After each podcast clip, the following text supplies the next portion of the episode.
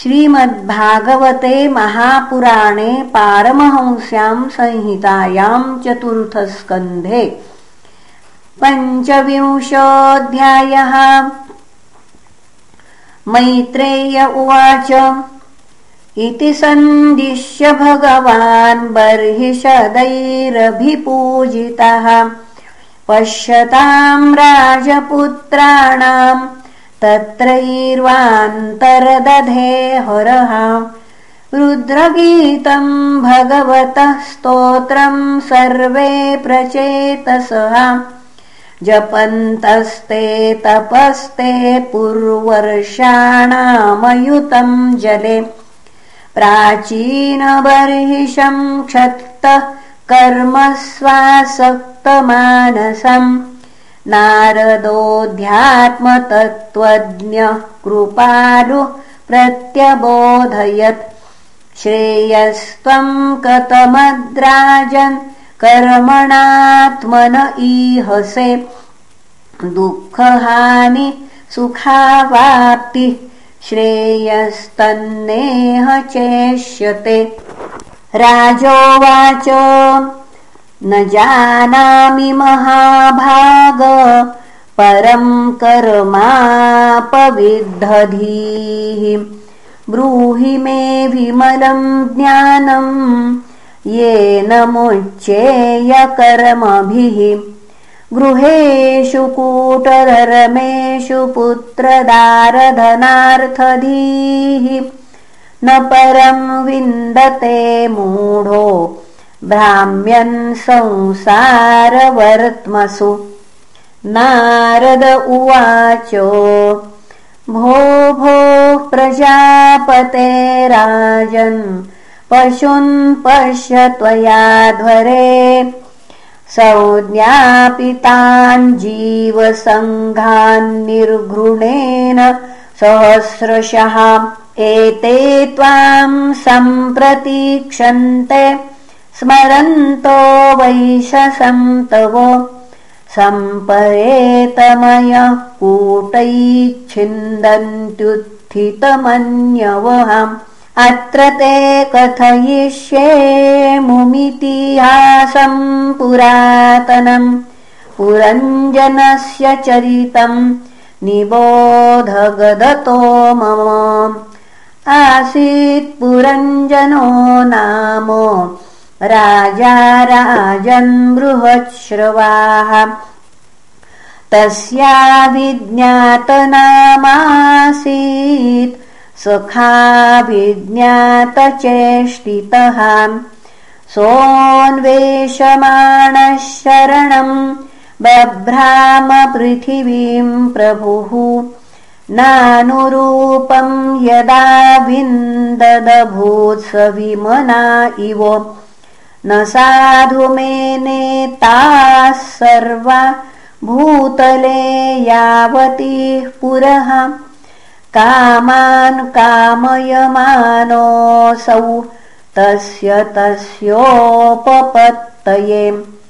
स एकदा हिमवतो दक्षिणेष्वथ सानुषु। ददर्शनवभिर्द्वार्भिः पुरम् लक्षितलक्षणाम् प्राकारोपवनाट्टालपरिखैरक्षतोरणैः स्वर्णरौप्यायसैः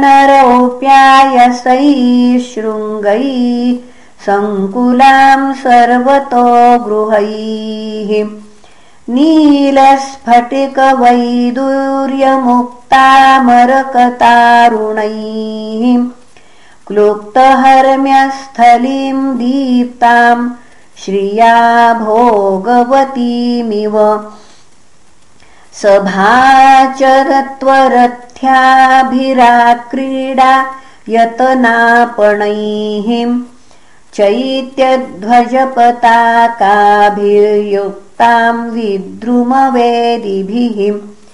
पुर्यास्तु बाह्योपवने दिव्यद्रुमलताकुले न दद्विहङ्गालिकुलकोलाहलजलाशये हिमनिर्झरविपृष्मत्कुसुमाकरवायुना चलत्प्रवालविष्टपनलिनी तटसम्पदि नानारण्यमृगवातैरनाबाधे मुनिव्रतैः।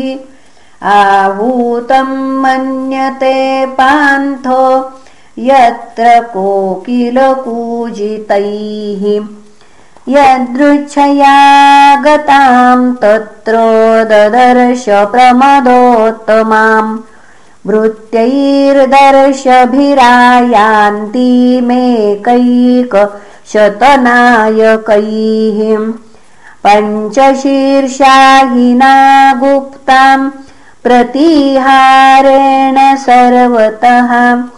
अन्वेषमाणाम् वृषभ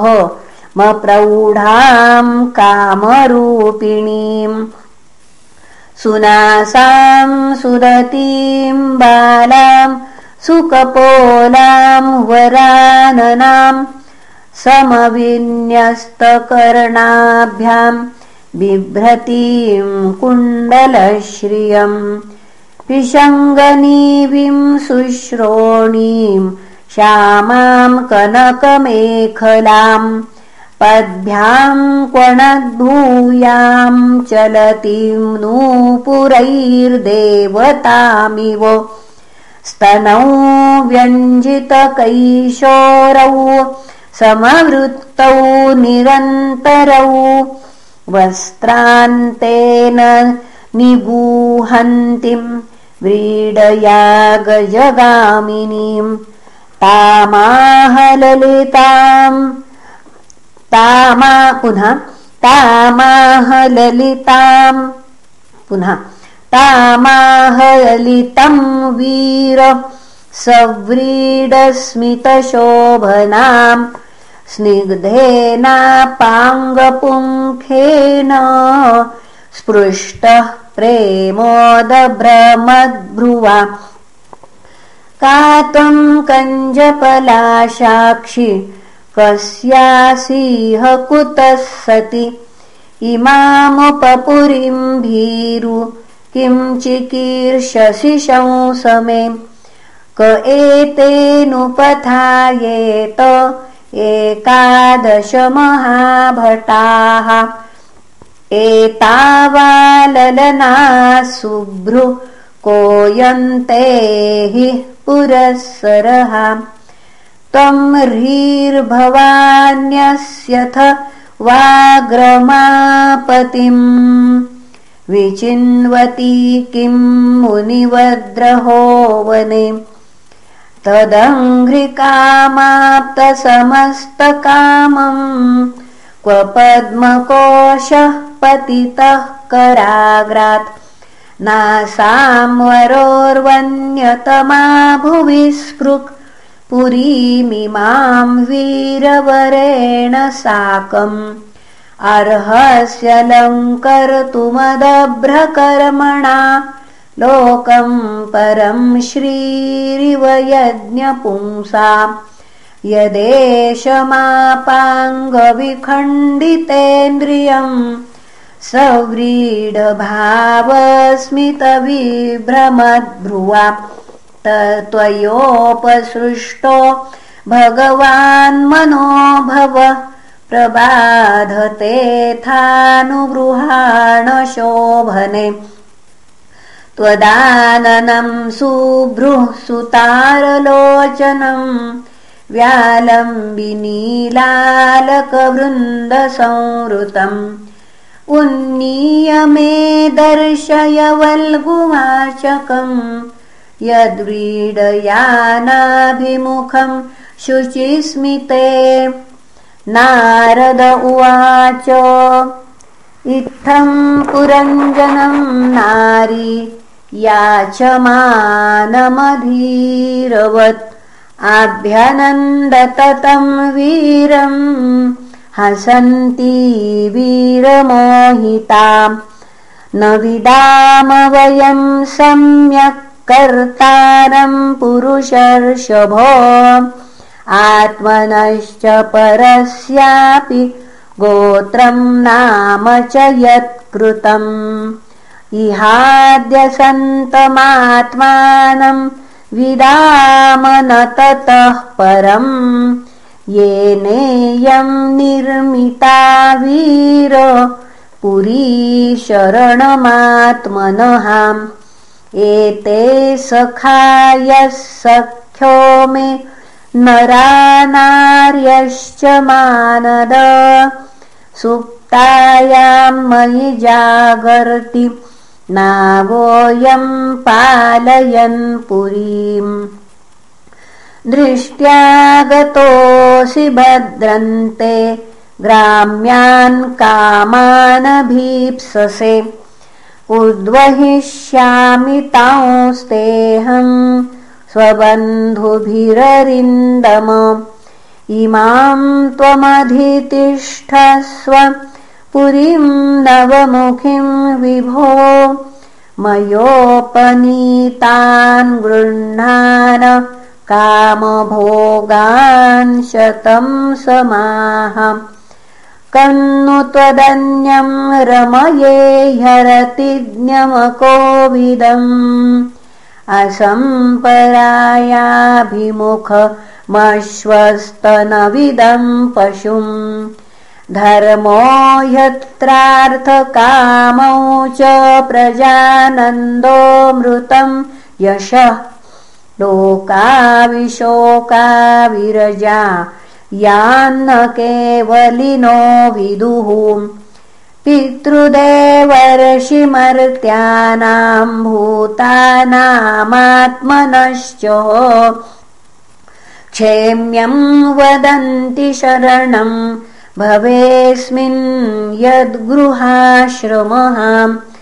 का नामवीरविख्यातं वदान्यं प्रियदर्शनम् न वृणीतप्रियं प्राप्तम् मादृशी त्वादृशं पतिम्।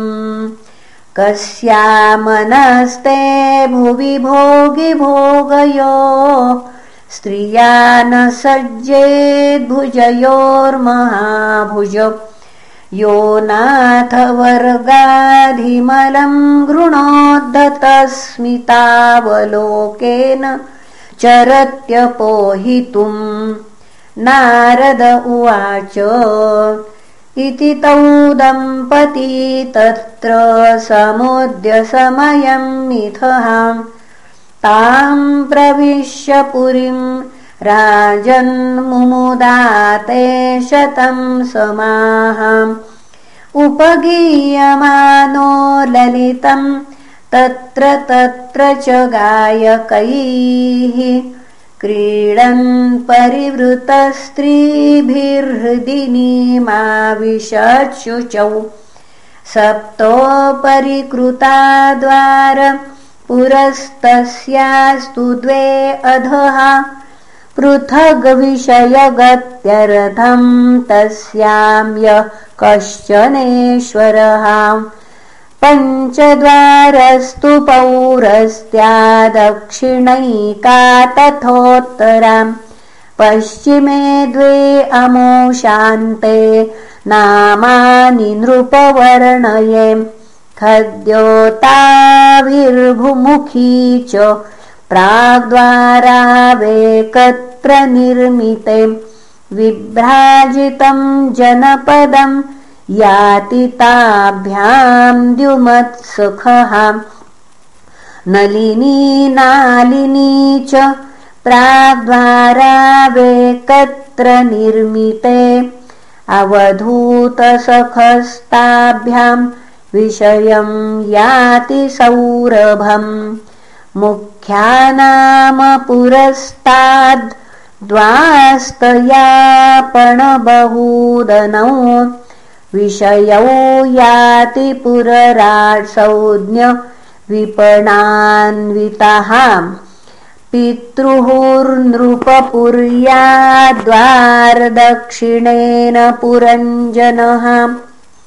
राष्ट्रं दक्षिणपञ्चालं याति श्रुतधरान्वितः।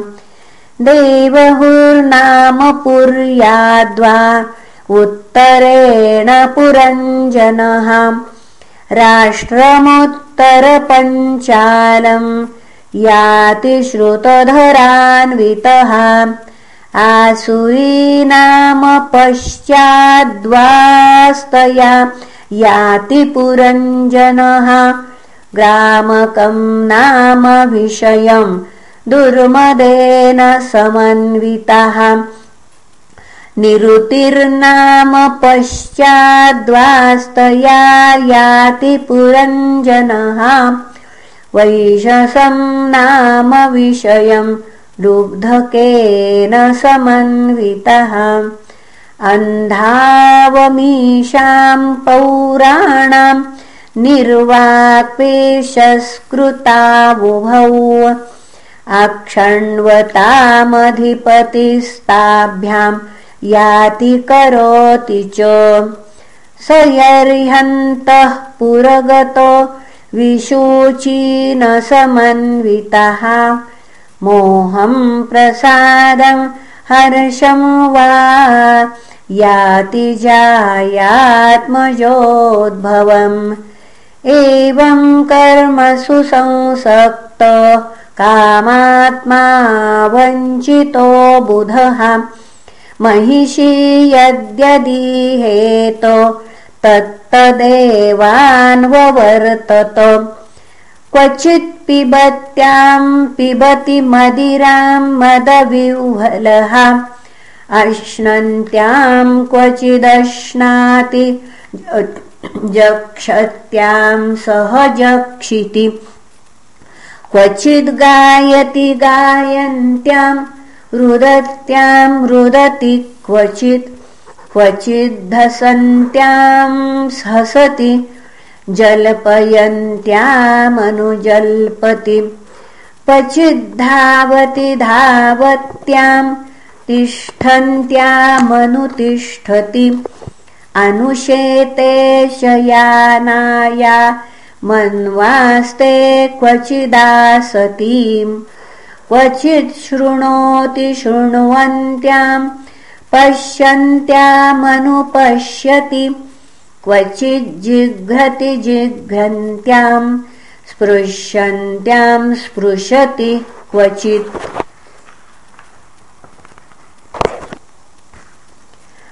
क्वचिच्च शोचतिं जाया मनुशोचति दीनवत् अनुरुष्यति हृष्यन्त्यां मुदितामनुमोदते। विप्रलब्धो महिष्यैवं सर्वप्रकृतिवञ्चितः। नेच्छन्ननुकरोद्यज्ञः क्लैब्यात् क्रीडामृगो यथाम् इति श्रीमद्भागवते महापुराणे पारमहंस्यां संहितायां चतुर्थस्कन्धे पुरञ्जनोपाख्याने पञ्चविंशोऽध्यायः। श्रीकृष्णार्पणमस्तु। हरये नमः हरये नमः हरये नमः